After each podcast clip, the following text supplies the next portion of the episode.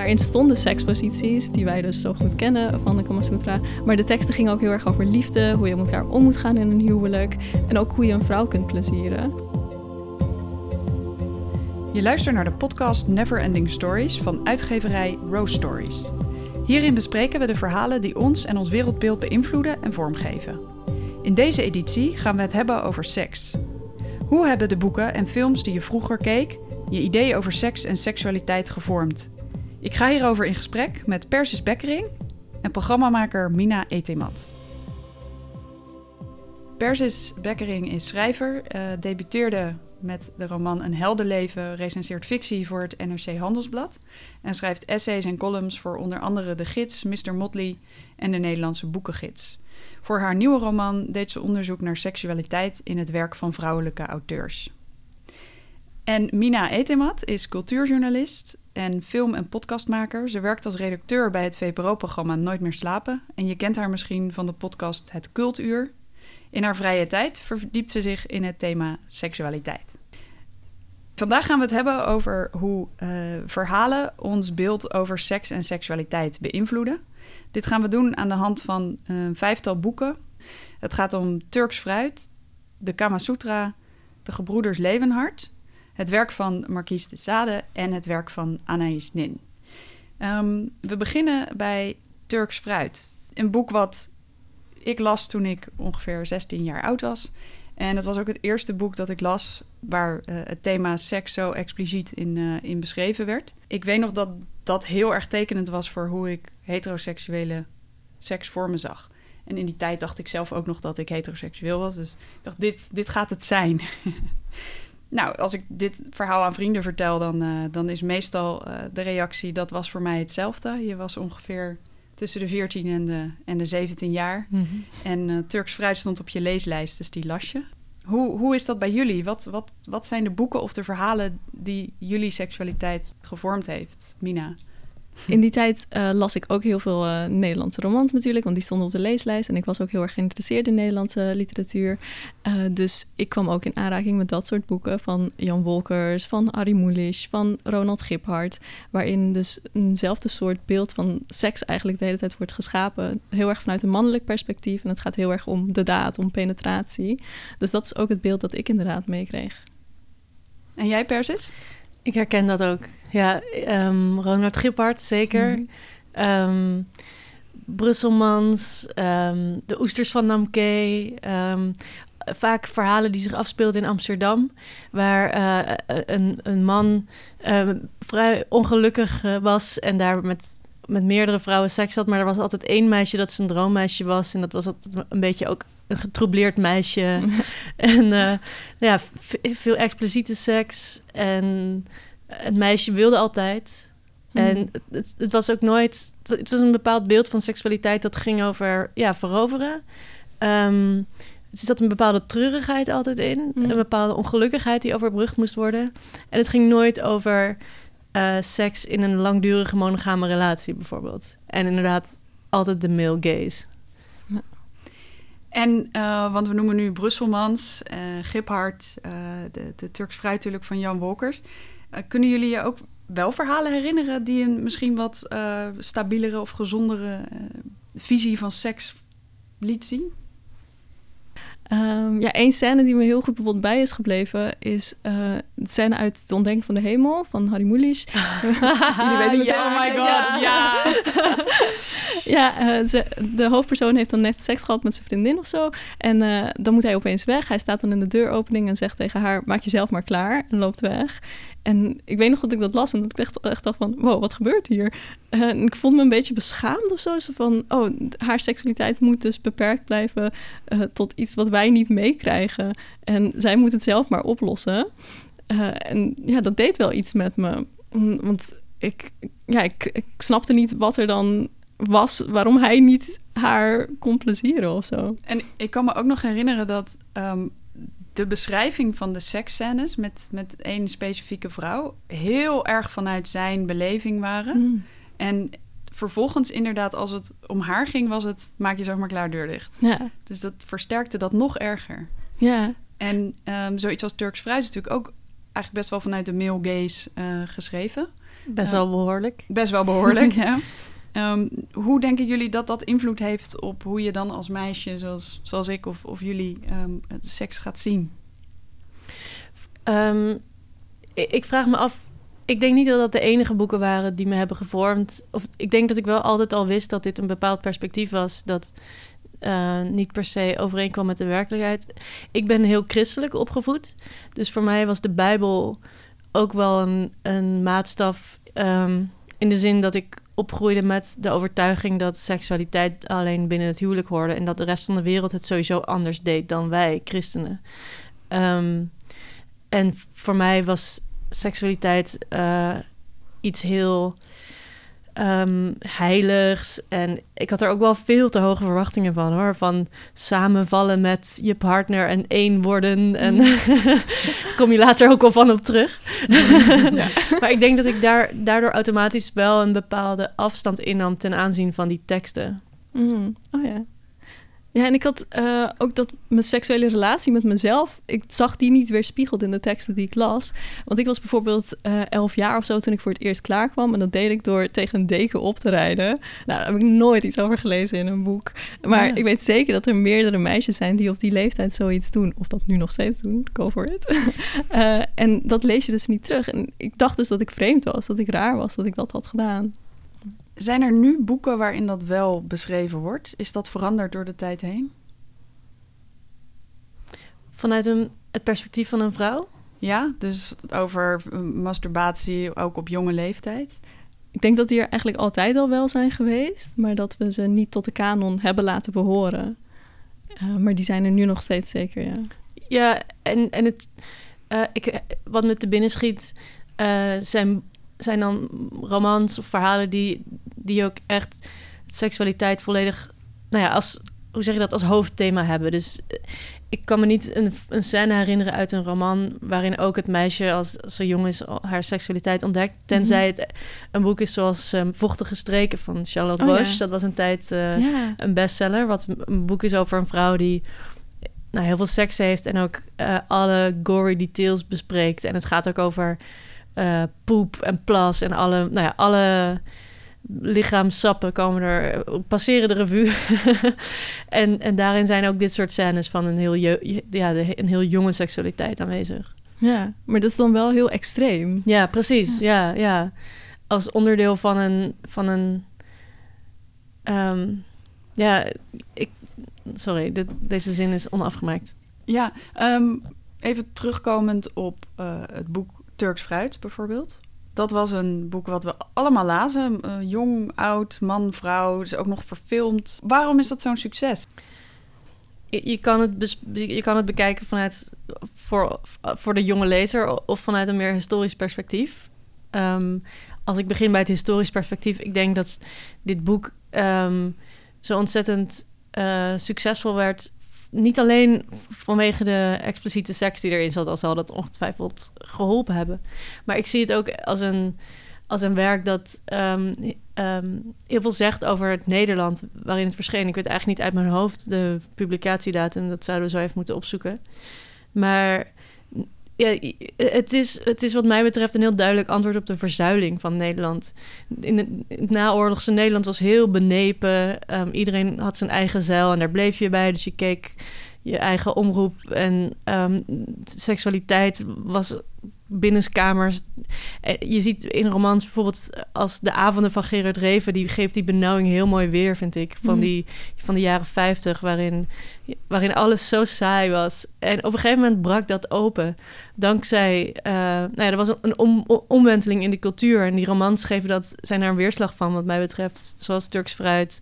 ehm, en ook het werk van Reven. En opeens barstte dat open en, en, en werd, gingen, gingen jonge mensen tegen die benauwde cultuur in. En eh, die waren heel expliciet over hun seksualiteit. En, en dat was ook de aantrekkingskracht van dat werk, denk ik.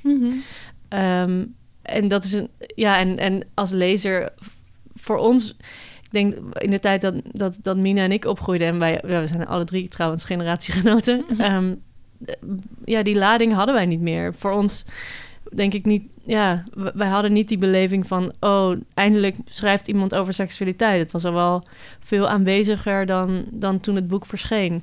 Maar het is alsnog wel... Je bent tiener, je zit op de middelbare school... Met je docenten en je ouders praat je er niet over. Dus, dus is het wel eh, echt genieten om dat in een boek te lezen. En dat is ook wel een deel van je opvoeding. Maar ook wel heel erg de male gaze. Ja, denk het wel.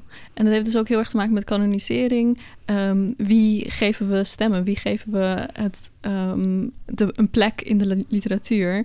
Wie laten we boeken schrijven? En wie onthouden we? Wie zetten we op een boekenlijst? Daar heeft het ook mee te maken. Want in die tijd, in de jaren zestig, toen ehm, waren vrouwen natuurlijk ook met die onderwerpen bezig. En zij zetten zich ook af tegen de moraal van de jaren vijftig. En ze schreven natuurlijk ook. Maar dat is dan minder bewaard gebleven. En kunnen jullie je een, een boek of een film of een, een verhaal of een, een, een of andere invloed herinneren die, die het perspectief van de vrouw opeens liet zien? Waarvan je dacht, hé, hey, maar eigenlijk is dat niet helemaal gelijk? Ik herinner me dat ik voor mijn leeslijst op de middelbare school uh, een boek las van Christine Hemmerrechts. Veel vrouwen, af en toe een man. En ik herinner me niet heel veel meer van het boek. Ik zou het eens moeten herlezen. Maar dat ging over een, over een meisje dat opgroeide... of dat, dat op, op een nonnenschool zat... waar de seksuele moraal heel streng was en heel repressief. En zij stiekem masturbeerde ze altijd in haar bed... en, en waste ze daarna haar hand niet... en bleef ze de hele dag aan haar vingers ruiken. Wat goed. Ja. ja, ik vond het wel vies. Ja. Wat ook wel weer wat zegt. Want ja. uh, mas masturberende mannen en jongens zitten volop in boeken. Ja. Ik kan me dat ook echt herinneren. Dat, dat, echt, dat ik eerder dat normaal vond dan, dan mijn eigen. Precies. Ja.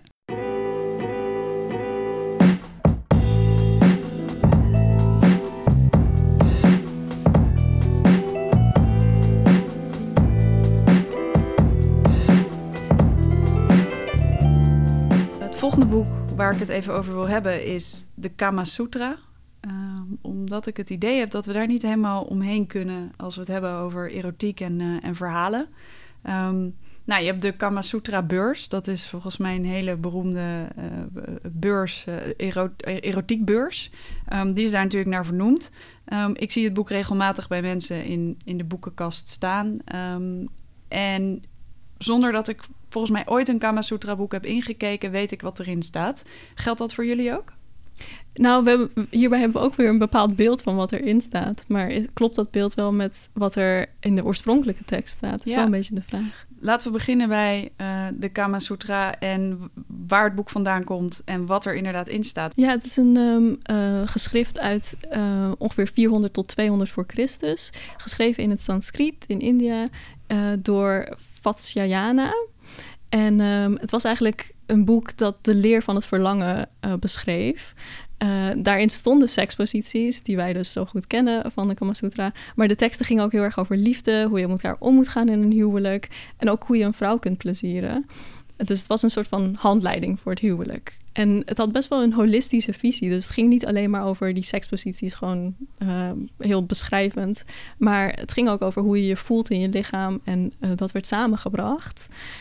Um, het was geschreven door een man. En ja, soms, sommige dingen die erin staan, kun je vraagtekens bij zetten. Bijvoorbeeld stonden dingen in als... Uh, als een vrouw niet genoeg bevredigd wordt, dan kan ze haar ma man verlaten. En daarom moet je dat voorkomen. Um, de versie die we het best kennen van de Kama Sutra is in 1883 uh, vertaald door Richard Burton. Die man die uh, um, liet twee Indiase uh, mannen de tekst vertalen en hij en een andere wetenschapper die gooide er een sausje overheen. Maar ja, en hij maakte dus een beetje zijn eigen versie ervan. En het was ook echt een westerse versie in dat opzicht. Want de, nadruk begon op uh, standjes te liggen en niet meer dat holistische. En dit komt ook wel voort uit kolonisatie. Want wij gingen met onze westerse blik gingen wij naar India toe. We kol koloniseerden het land en um, we namen hun teksten en maakten er ons eigen verhaal eigenlijk van. Um, en hierbij zie je dus dat er een bepaald deel is uitgevist, die standjes. En daar is heel erg de nadruk op gaan liggen. En in de latere versies van de Kama Sutra, die zijn vooral gebaseerd op die versie van Richard Burton.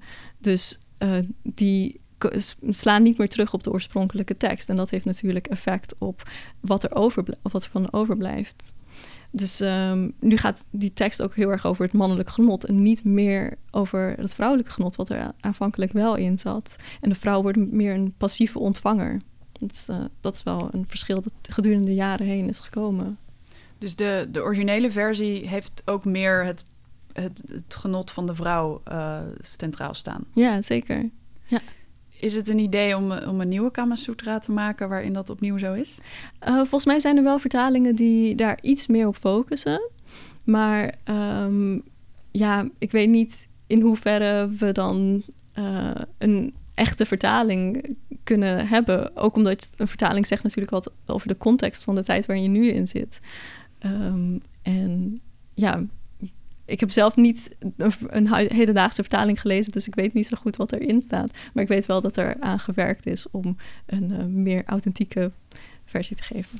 En, en was het dan zo dat um, het, het boek is natuurlijk in India ooit geschreven. Volgens mij is het daar ook een aantal keer gecensureerd geweest en dan weer niet. Volgens mij heeft het ook op de zwarte lijst gestaan, is het verboden geweest, um, afhankelijk van, van de tijd. Um, is het zo dat uh, de Kama Sutra een bepaalde visie op seks of een beeld over seks heeft geïntroduceerd in Europa um, die, nieuw was, die seksualiteit en het uitvoeren van seks uh, veranderd heeft?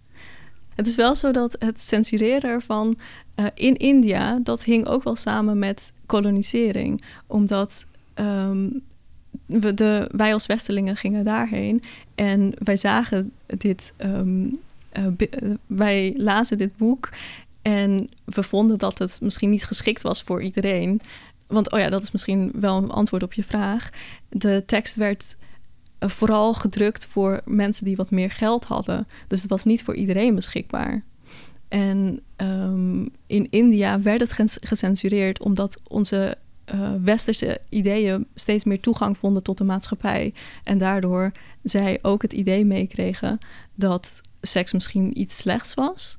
Of meer um, ja, weggehouden zou moeten worden van bijvoorbeeld vrouwen of uh, van um, bepaalde uh, groepen in de maatschappij. En daardoor is er, is er censuur gekomen in die cultuur. Misschien was dat er helemaal niet gekomen als het niet gekoloniseerd was geweest.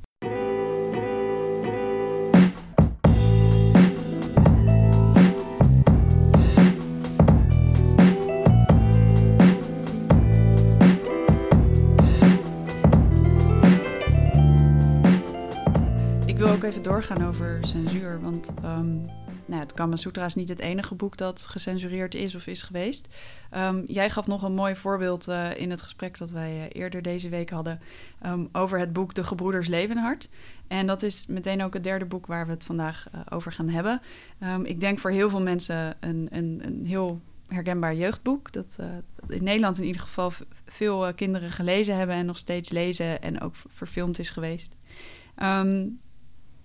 Mina, kun je wat meer vertellen over censuur en de gebroeders Levenhard? ja, ik um, heb tot mijn zesde in Iran gewoond en toen verhuisden we naar Nederland. En um, tot mijn zesde was mijn lievelingsboek De Gebroeders Leeuwenhart. En dat las ik dan in het Farsi samen met mijn zus. Van? Van Astrid Lindgren. en um, nou, toen kwamen we naar Nederland en ik woonde hier dan een paar jaar. Rond mijn achtste ging ik een keer naar de bibliotheek en daar zag ik het boek liggen in het Nederlands. Dus ik nam het mee naar huis, mijn zus en ik begonnen te lezen. En op een gegeven moment stuitten we op een van de tekeningen, want het is uh, een geïllustreerd boek. En ik schrok me dood toen ik die tekening zag. Want in de Iraanse versie um, uh, de tekening slaat op een passage uit het boek waarin de twee broers gaan zwemmen in de rivier. En in de Iraanse versie hadden ze onderbroekjes aan. Maar in de Nederlandse versie zag ik dat ze helemaal naakt waren. En ik dacht echt, wow, hoe kan dit? Uh, ik zag hun piemeltjes. Ik weet niet of ik ooit eerder getekende piemeltjes had gezien. um, dus ik was best wel verbouwereerd. En ik kon het toen niet zo goed plaatsen. Maar later besefte ik me dat het echt zo'n perspectiefverschuiving in mij had uh, veroorzaakt. Omdat ik besefte oh, wat ik heb meegekregen uit die andere cultuur, dat behoort tot daar. En als ik in een andere context zit, dan uh, krijg ik hele andere dingen mee. En dat betekent ook dat ik anders zou zijn opgegroeid als ik binnen deze cultuur was opgegroeid. En ik kon me voorstellen dat um, meisjes van mijn leeftijd, die in de Nederlandse cultuur waren opgegroeid, een heel ander idee hadden meegekregen over schaamte met betrekking tot je geslachtsdelen. Want dat had ik dus kennelijk meegekregen. Die moet je niet laten zien. Die horen ook niet afgebeeld te zijn. En ehm, hier in Nederland was het dus prima of was het normaal om ze wel te laten zien.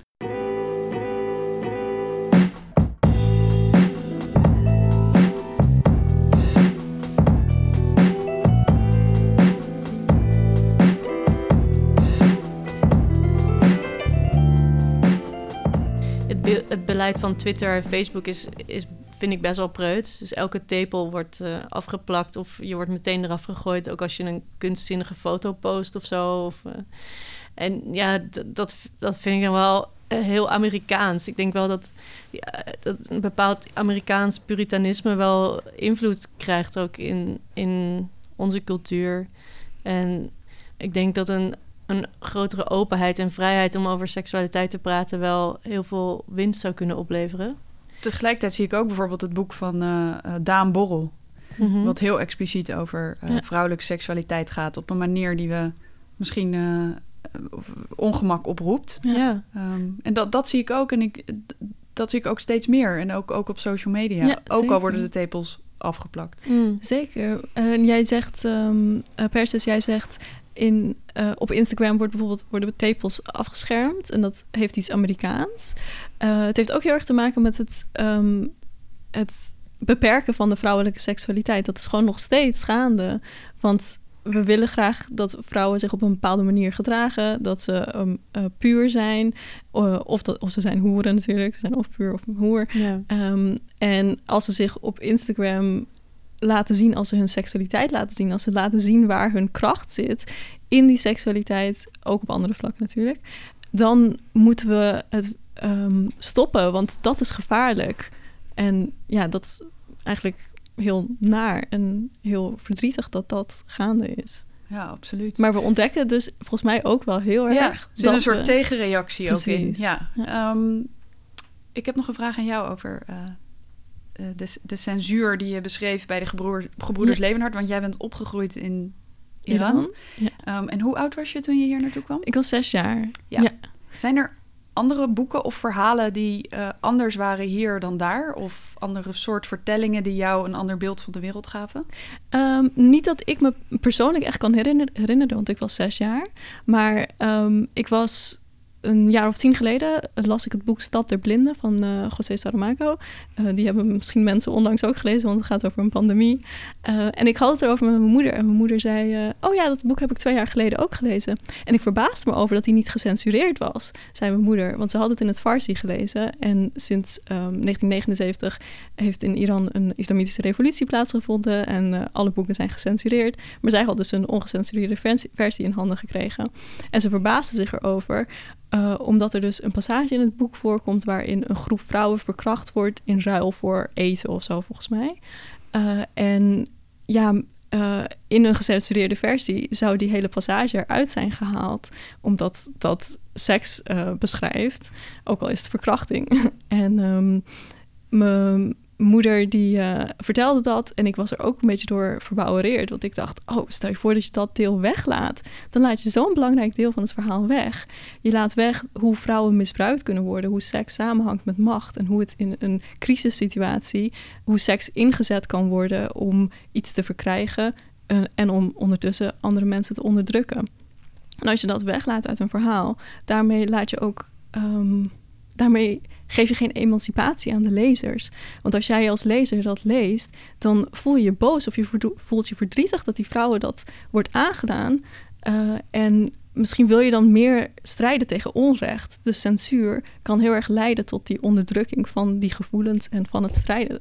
Oh, en van het strijden tegen onrecht. En dat um, is waar censuur dus ook toe dient. En dat is waar het islamitische regime in Iran het bijvoorbeeld voor gebruikt. Ja. Dat besefte ik me eigenlijk pas tien jaar geleden hoe censuur kan werken.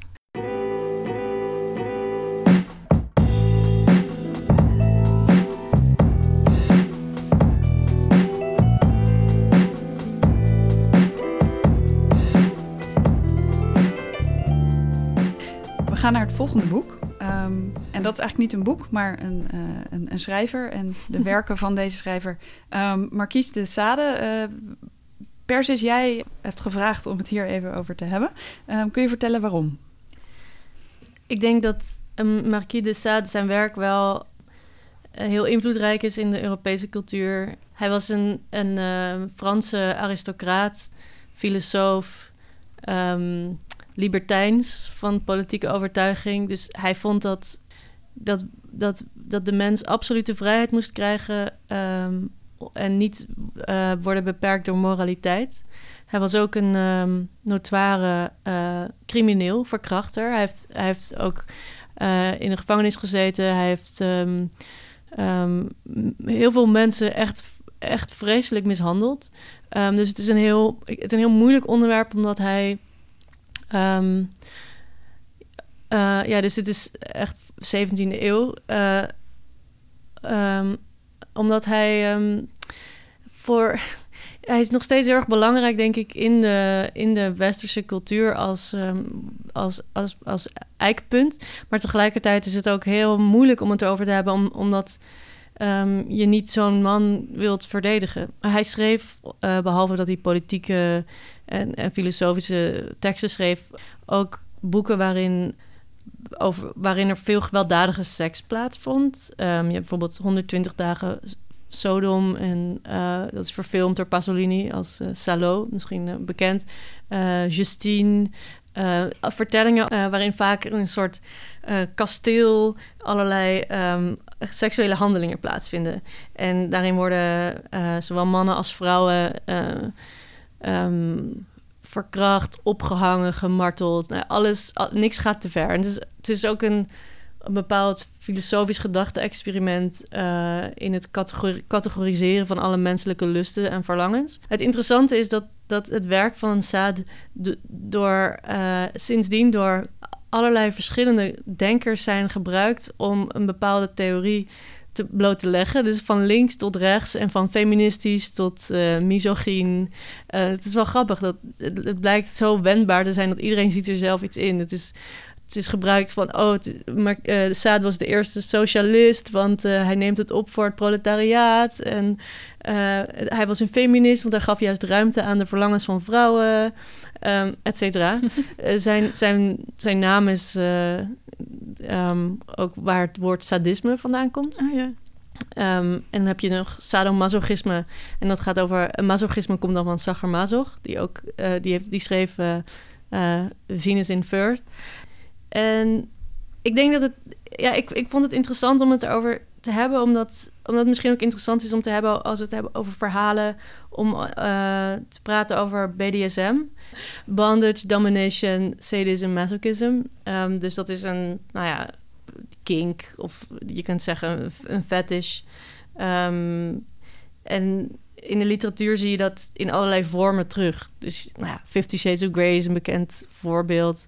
waarin een meisje of een vrouw zich... die wordt verliefd op een man die haar introduceert... in de kunst van uh, de kink. Heel soft natuurlijk allemaal, heel uh, romantisch. Um, en, maar wel een enorme bestseller. Ja. In dit verhaal is hij de dominante en zij de, de, de on, geonder, onderwerper... Nee, geonder Hoe zeg je dat? Hij is de, de, de dominant en zij, is de, zij wordt onderworpen. En zij wordt onderworpen. Zij, ja, zij is dan ja. submissive. Zij is submissive, precies. Probeer daar even een Nederlandse term voor te, snel voor te vinden. Um, denken jullie dat het ook een succes had kunnen zijn als de rollen omgedraaid waren geweest? Dus als zij de dominant en hij de submissive was uh, geweest? Het kan zijn dat minder vrouwen zich dan in haar hadden herkend. Ja. Dus dat het dan minder goed had verkocht. En dan, wordt het, dan wordt het zo'n feministische daad. Zoals bijvoorbeeld, um, je hebt dan Pussy, al, Pussy album van Stella Bergsma, is een mm Nederlands voorbeeld van, um, ja, ook wel een protestboek.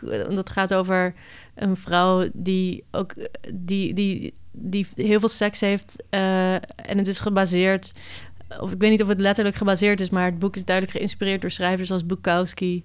En zij wil een, een, vrouwelijk personage laten zien, laten zien die hetzelfde is. En het laat toch, het wordt dan meteen een. Uh, Want wat bedoel je met hetzelfde? Oh, sorry. Um, die net als in die boeken van Bukowski en Henry Miller. Um, um, heel veel drinkt en drugs gebruikt en, en een beetje sad is en dan met de een na de ander seks heeft. En, Die eh, man in die boeken. Ja, en Ja. dan in Pussy Album is het de vrouw. En het krijgt meteen een andere maatschappelijke lading, want als vrouw wordt het minder van je geaccepteerd.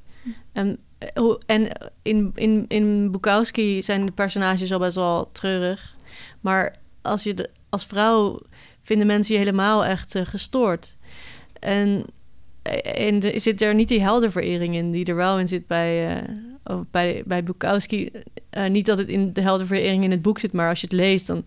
Ik weet niet, er- mensen vinden dat dan toch wel tof of zo. Zo'n man die, die overal scheid aan heeft en gewoon doet waar hij zin in heeft... en, en zich niet eh, conformeert aan de regels van de samenleving. Want dat is wat de, de vrouwelijke hef- hoofdpersoon in Pussy Album van Stella Bergsma doet. Ja, Die gedraagt zich eigenlijk op die manier als, als de mannen uit, uit die andere boeken. Maar het enige verschil is dat zij een vrouw is. ja, En toch wordt het heel anders gelezen. ja. Ja, is het ook... eh, hoe is het ontvangen? Eh, met, ja, ehm, niet heel goed. Maar eh, is- ik denk dat op een of andere manier roept Stella Bergsma altijd heel veel eh, Weerstand weerstand, op. Ja. Ja, ja, Maar dus misschien ook om deze reden. Precies. ja. Omdat dit een, een beeld is, een voorstelling... die zij misschien zelf ook wel een beetje belichaamt of uit, uit beeld uitspeelt. Ja, Ja. en dat, dat Waar mensen- weerstand op, Ja. ja.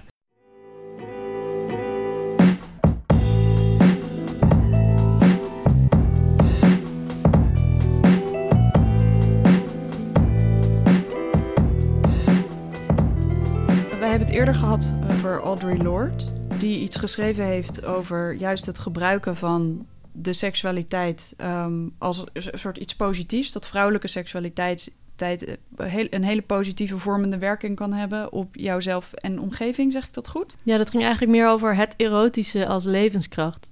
Ze schreven een essay, Uses of the Erotic. Wacht, de precieze titel... eh, The Power of the Erotic is de titel. Eh, dat staat in de bundel Sister Outsider. Die is trouwens net in het Nederlands vertaald en uitgegeven. Ehm, en dat, is een, dat essay schreef ze in reactie op een, een debat dat, ging, dat rondging in feministische kringen... of, of je wel of niet eh, eh, pornografie moest veroordelen. En haar tekst ehm, zei, ging over het erotische als, als levenskracht. En dat kan zich uiten in seksualiteit, maar dat is eigenlijk maar één onderdeel ervan. Ehm, voor haar is het, het erotische een, een, crea- een creatieve, intuïtieve kracht die, die, eh, die zij per definitie vrouwelijk vond. Ehm, en die we geleerd hebben te onderdrukken in deze samenleving. Precies Mhm. ook eh, hoe jij beschreef dat de Kama Sutra vervormd is in de westerse cultuur. Vanuit, het was ooit een heel een holistische theorie. En, en, en zij brengt dat ook weer naar dat holistische. Een, een kracht die eigenlijk ook, die al je zintuigen met elkaar verbindt. Die gaat over dingen maken, over dingen ervaren. Dat is allemaal een erotische kracht. En als je dat weet in te zetten, dan, dan, dan zet je ook je, je, je macht in als vrouw. En, en de optie die we in deze cultuur krijgen is: oh, je mag wel sexy zijn. Ehm, dat, die kant van de, van de erotiek mag je, mag je hebben, maar vooral als je beschikbaar bent. Ehm, en alle andere eh, uitingsvormen van, van die erotische kracht moet je onderdrukken. En het gaat dus ook over een relatie tot werk bijvoorbeeld. Dat, is ook, dat kan op een andere manier. Niet dat je onmogelijke doelen stelt, maar dat je, dat je werkt op een manier ehm, die, die, die dicht bij jezelf voelt. Die, ehm, die voelt alsof je put uit jezelf op een hele vreugdevolle manier. Ja, het klinkt nu heel zweverig, maar ze beschrijft het echt heel erg mooi. Nee, en En- ik snap wel, ik snap helemaal wat je bedoelt. Ja, Eh, want we zijn inderdaad heel erg geneigd om ons lichaam sowieso te scheiden van ons geest. En we moeten zo intellectueel mogelijk zijn. Maar het is heel belangrijk om die twee met elkaar te verbinden. En als vrouw ehm, je terug te grijpen op je feminine energie. En die hebben we echt allemaal in ons zitten. En als we die, eh, als we daar uitputten, als we dat aanstippen en het laten groeien, dan kan er veel meer kracht in ons ontstaan. En vanuit Ja. daar kunnen we leven. Ja, en ik denk eigenlijk dat alle, alle genders die kracht ook hebben. Ja, en dat we dat als mensen met elkaar delen. Het is ook een kracht die, die wil zorgen. Die, het is een, eh, een, een, een, een kracht die ook ehm, kan moederen, zeg maar. Maar niet per se alleen biologische kinderen, maar ook elkaar en jezelf. En het is een, eh, een soort he- een hele heilzame kracht. En Ja. zij laat zien hoe... ehm, hoe we dat hebben onderdrukt. Het is zo typisch. Ik bedoel, dit is, dit is, dit is de verlichting van de, van het, van het Westen. Dat is het, het scheiden van lichaam en geest. En alles in vakjes stoppen. En het heeft ook heel veel gebracht, want daardoor maakt het ook wetenschap mogelijk. Hoort, hoort daar ook de scheiding tussen eh, romantiek en gevoel en seks bij? Ik, ik heb het bijvoorbeeld, en dat, dit is misschien ook een beetje waar de censuur dan weer bij komt kijken, die naar mijn idee ook, ook in Hollywood een, een rol speelt. eh, ook al zie je dat niet direct. Ehm, ik denk bijvoorbeeld aan verhalen als Romeo en Juliet en West Side Story. En wat zijn nog meer allemaal? Nou ja, Fifty Shades of Grey, Grey eigenlijk ook. Dat zijn verhalen waarin eh, de twee hoofdpersonages elkaar aantrekkelijk en leuk vinden, maar niet bij elkaar kunnen komen. Een soort van verhaal van onmogelijke liefde, Mhm. eh, omdat ze uit een andere wereld komen meestal. Ehm, en ik realiseerde me laatst dat, eh, dat dat niet alleen hele romantische verhalen zijn. Dus dat die twee mensen die elkaar niet kunnen vinden, dat is eigenlijk de hele tijd een spel. En als kijker of lezer eh, ga je steeds meer hopen dat ze toch bij elkaar kunnen komen. En dat is een soort spanningsboog die, ja, die heel soort bijna verslavend is. En dat soort verhalen zijn, denk ik, daarom ook heel populair. Maar uiteindelijk komen ze samen en dat is een soort van ontlading. En ik heb altijd gedacht dat dat is. Ik vier dat de romantiek eh, gezegevierd heeft, want ze zijn samen. Maar ergens was het ook erotisch. Dat ze elkaar eindelijk konden vasthouden. En dat, dat eigenlijk die spanning daar naartoe ook erotisch was geweest. Mhm. Ehm, terwijl dat, dit soort verhalen worden vaak ver- verpakt of, of aangekondigd eh, als extreem romantisch. Maar eigenlijk zijn ze ook best wel seksueel. Ja, klopt. Ehm, en dat bedoel ik een beetje met de manier waarop we over romantieke seksualiteit praten, wordt vaak losgekoppeld. En dat is volgens mij ook heel cultureel bepaald en niet altijd eh, terecht. En ik denk ook dat ehm, we zien nog steeds als de functie van seks heel erg voortplanting. Eh, en dus we rationaliseren het heel erg. Terwijl het echt een levensbehoefte is. Plezier is een levensbehoefte. En ehm, dat halen we een beetje weg bij eh, eh, seks en romantiek.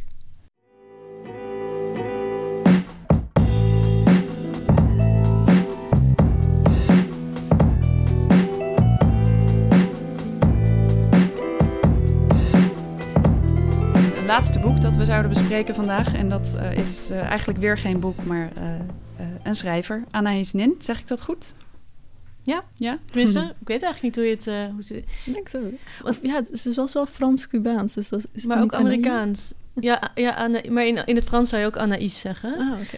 En, en dan Nin, ja, ik weet eigenlijk niet... eh, Ik weet niet heel veel Je zegt niet na. Ik ken niemand die Anaïs na. Wij zeggen gewoon Anaïs Nin. Na. Ja, na. voor de variatie. Ehm, eh, waarom, eh, eh, Ina, wilde jij hier iets over? Ik heb haar recentelijk eh, ontdekt. Ik had al wel van haar gehoord, maar recentelijk ben ik het boek Delta of Venus gaan lezen. Dat is een eh, collectie van erotische verhalen. En ik was er helemaal door gegrepen, dus eh, ik was helemaal enthousiast erover. Maar volgens mij weet jij meer over haar, Persis. En jij hebt je al langer in haar verdiept. Maar ik, ik vind het wel interessant, los van wat precies eh, haar werk inhoudt en waarom het eh, zo prachtig zou zijn. Wat deed het met jou? Waarom, eh, waarom was jij meteen fan? Ja, het zijn dus erotische verhalen waarin er seksuele handelingen plaatsvinden. Het zijn allemaal verschillende soorten verhalen over een man die ergens woont of een man die rondzwerft en allemaal vrouwen tot zijn minnaressen maakt. Of een vrouw die vijf mannen bij haar thuis uitnodigt of zo.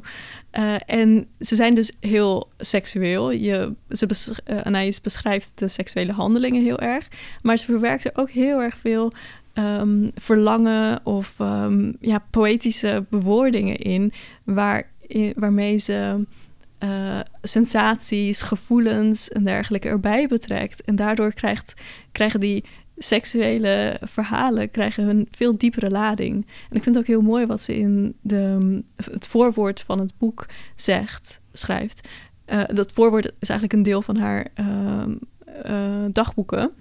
Het is niet een, per se een, ehm, een voorwoord. Maar zij beschrijft hoe ze dat boek is gaan schrijven. Het was namelijk een eh, opdracht eigenlijk. Een verzamelaar die wilde graag dat eh, er erotische verhalen voor hem werden geschreven. En zij dacht, nou prima, ik verdien hier geld mee. Dus ze begon te schrijven. En eh, ze hadden best wel veel plezier in, maar ze kreeg telkens als feedback van die verzamelaar: ja, kun je, kun je gewoon je beperken tot de seksuele handelingen en niet zoveel van het poëtisch taalgebruik erin verwerken? en zij verzette zich daar een beetje tegen. Dat vond ze eigenlijk niet zo leuk. Ze ging een beetje karikaturaal over seks hebben, een beetje uitvergroot. Maar dat vond ja, dat vond die verzamelaar eigenlijk prima. Uh, hij snapt het eigenlijk ook niet. En ze schrijft dan ook in het voorwoord iets als... Uh, ja, die vent die snapt er ook gewoon niks van. Hij snapt niet dat, waardevol, dat seks waardevoller is... als je het sensuele erbij betrekt. Als je die verlangens erbij betrekt. Ik vond dit wel een hele mooie quote. Didn't the old man know how words carry colors and sounds into the flesh? Dat vind ik echt heel tekenend voor wat dat is. En ik vind het ook gewoon heel mooi hoe ze schaamdeloos over seks schrijft. En hoe ze zichzelf eigenlijk ook aan het ontdekken is. Dat lees je er een beetje doorheen of zo. Dat vind ik heel mooi. Dit klinkt wel als um, eigenlijk de vraag die ik eerder stelde. Of er voor jullie voorbeelden zijn van schrijvers of boeken die, waarin juist die vrouwelijke hoofdpersoon en haar verlangens wel centraal staan. Het, het klinkt alsof, alsof dit werk daar wel bij in de buurt komt. Klopt dat? Ja, zeker. Daarom kwam, ik, kwam zij ook op mijn pad in mijn. Uh, in mijn uh, zoektocht naar vrouwen die uh, seksualiteit beleefden op een manier die, die ik ja, meer waar ik naar verlang eigenlijk. Of die, die wat meer utopisch zijn misschien. Mm. Um, het, is, ja, het zijn echt hele sterke verhalen, omdat ze zo gelaagd zijn ook. Ze speelt ook allerlei literaire spelletjes. Ze speelt ook echt met de gays. Want het is heel interessant dat ze dus seks, uh, pornografische verhalen moest schrijven voor een anonieme verzamelaar. Um, de, die een man was. Dus zij, heeft, zij brengt haar female gaze in, terwijl het bedoeld is voor de male gaze.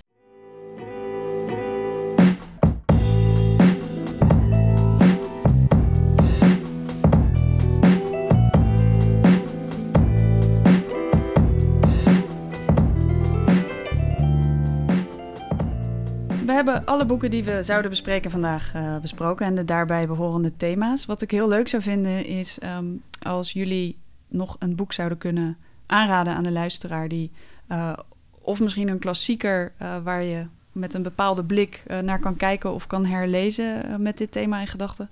Of misschien een, een, een, nieuw boek of een nieuwe schrijver die juist weer nieuwe perspectieven brengt. Persis, welk boek zou jij aan willen raden? Um, ik dacht aan um, Nina Léger, een jonge Franse auteur. Um, ik heb het in het Engels gelezen. Ik wist eigenlijk niet, toen heel dom toen ik, het, toen ik het kocht, dat het origineel Frans was. Maar het is nog niet in het Nederlands vertaald. Het heet The Collection. En in het Frans Mise, en, uh, mise en Pièce. en het gaat over, kort gezegd, over een vrouwelijke cruiser.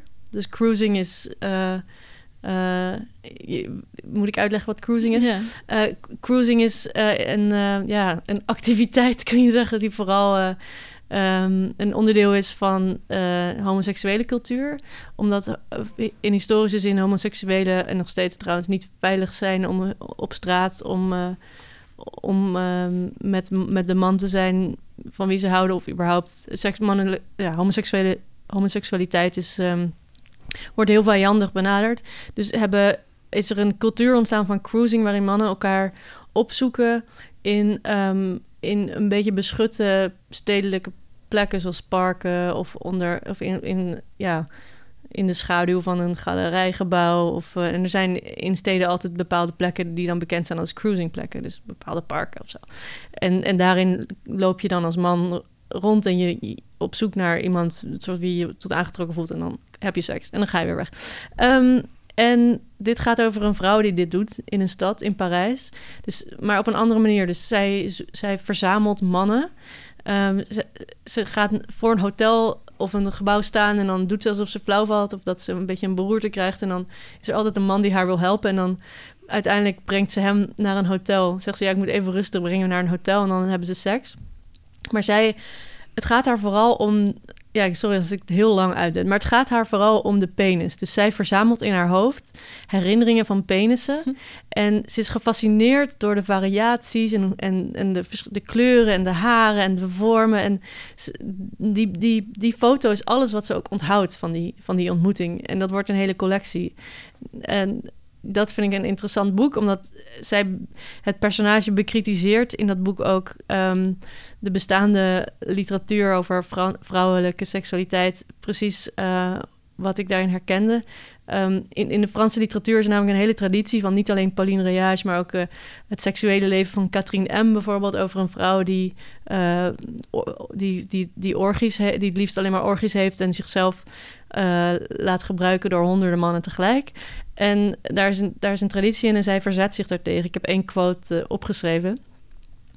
Um, the taste for sex itself was not a strength, but the consequence of extreme weakness, uh, observeert het hoofdpersonage over die bestaande literatuur. The heroines lived only to be the objects of male desire, and they always ended up between the sheets with a man whose penis was never described, because it was a symbol, an authority to which the weak woman who had believed herself to be strong surrendered herself, a phallus, not a cock. Hmm. En zij wilde die, die leemte invullen van de afwezige Ah, penis. Ja, mooi. Leuk. ja, ja, Dus dat is wel echt eh, vernieuwend. ja, Ja. ja, absoluut. En dit boek eh, is eh, Frans en nog niet vertaald in het Nederlands. Nee, wel in het Engels, The Collection. The Collection. Voor iedereen die eh, Engels wel kan lezen en Frans niet. En is er nog een kans dat het in het Nederlands vertaald wordt? Weet ik niet, ik heb het aangeraden aan mijn uit- eigen uitgever, maar ik hoop het, ja. Ja. Mina? We hadden het al eerder over Older Lord. Eh, die heb ik niet gelezen, maar het resoneerde heel erg bij mij. Vooral omdat ik eh, graag het boek The Emergence of the Sensual Woman door Saïda Desilets wou eh, aanraden. Dat is een non-fictieboek en het gaat heel erg uit van dat idee van... eh, ehm, we hebben allemaal die feminine kracht in ons. En ehm, laten we die aanboren en daar onze ehm, eh, energie uithalen. Eh, en dat beschrijft zij heel mooi. En ze geeft ook handvaten mee waarmee je als le- lezer eh, dat ook kunt gaan doen. En ja, ik merk heel erg dat het bij mij dus eh, aanslaat, omdat ehm, het is dus het samenbrengen van, een, van lichaam en geest. En dat is al iets heel moois als je dat kan doen. Maar door je specifiek te focussen op, de op je seksuele energie, ehm, komt, er, komt er veel meer naar boven. Tenminste, dat is mijn ervaring. En ik voel me veel beter in mijn vel zitten als ik daarover nadenk. Als ik, eh, of na, over nadenk, het gewoon ervaar. Als ik mijn zintuigen eh, de kans geef om te voelen, te ruiken of te horen. En dat ook te verbinden met mijn seksuele ik. Bijvoor- een voorbeeld is dan parfum opdoen terwijl ik een dag thuis ben. Nou, normaal gesproken doe je dat misschien niet, maar door het wel te doen en door mezelf dan te ruiken eh, en daar een sensuele energie bij te voelen, ehm, merk ik dat er iets in me open gaat en dat ik, veel, dat, ik, dat ik een beetje anders in de wereld sta. En dat vind ik heel mooi en eh, vandaar dat ik dat boek eh, ook graag aanraad. Ja, en dit was van... Van Saïda Desilets. En vertaald? Eh, ja, volgens mij wel, maar ook in het Engels. Ja, volgens mij is die heel in het Nederlands vertaald. ja. Leuk. Ehm, ik wilde zelf eh, ook nog een, eh, een boek toevoegen. Dat is wel Mhm. eigenlijk een beetje een, een klassieker. En ik vertel hem omdat hij mij heel erg gevormd heeft. En dat gaat om Ruby Fruit Jungle van Rita Mae Brown. Ehm, het boek is geschreven volgens mij in de jaren zeventig. En het gaat over een heel jong meisje die in het zuiden van Amerika opgroeit. Eh, bij stiefouders, omdat eh, haar eigen ouders zijn overleden. Eh, is een, wit meisje, maar wel in een hele racistische omgeving. En ja, ze is een beetje een, een outsider en haar, ehm, haar stiefouders houden eigenlijk niet, eh, of pleegouders heet het dan geloof ik, hè, houden niet eh, bijzonder veel van haar. Ze wordt veel geslagen, et cetera. En uiteindelijk ehm, is op hele jonge leeftijd eh, komt ze er al achter dat ze lesbisch heeft en heeft ze ook lesbische seks. En ehm, moet ze, omdat ze niet geaccepteerd wordt in haar eigen gemeenschap en door haar, door haar pleegouders, moet ze de bus pakken, de Greyhound-bus naar New York. Waar ze heel veel avonturen beleeft. En ze is een ontzettend stoer en een ontzettend grappig meisje. Ehm, en eh, ja, ze wordt steeds ouder. En, en ja, de de mannen proberen wel eens misbruik van haar te maken. Maar ze is altijd slimmer en altijd sterker. En zij was echt eh, het rolmodel ehm, eh, voor mij toen ik haar las. En dat was heel kort na Turks Fruit. Ehm, Mooi dat je het hebt eh, gebalanceerd. ja, las ik over eh, dat je dus lesbisch kunt zijn en heel stoer en cool. En eh, dat lesbische seks ook niet zo'n big deal is. En dat als je Molly Bolt bent, namelijk het hoofdpersonage uit dat boek, dat dat dan ook nog eens eigenlijk best wel cool is. Ja. En vanaf dat moment kon ik mezelf zien als cool en stoer en lesbisch. En Hm. ik denk dat zonder dat boek had ik, niet, had ik dat niet op die manier kunnen zien. Of in ieder geval toen nog niet. Ehm, dus dat illustreert voor mij heel erg de, de kracht van zo'n boek. En, en ook wat rolmodellen kunnen zijn. En ehm, heeft het mij ook laten zien dat lesbische seks überhaupt bestaat. Ehm, en ik, ik vind dat er zijn natuurlijk nog heel veel andere boeken, ook van Sarah Waters. En later kreeg je op tv die L-word. En dat heeft ook allemaal bijgedragen daaraan. Uh, maar dit is een ontzettend grappig boek. En ik denk ook heel erg tijdsloos. En uh, ja, kan emanciperend werken voor jonge voor jonge meisjes die, eh, die daarmee struggelen. Mhm. Dus eh, vandaar deze, deze inbreng. Dus Ruby Fruit Jungle van Rita Mae Brown. Mooi. Yes. Eh, ik wil jullie bedanken voor dit gesprek. Jij Ehm, ook. En eh, super interessant. En eh dank je wel.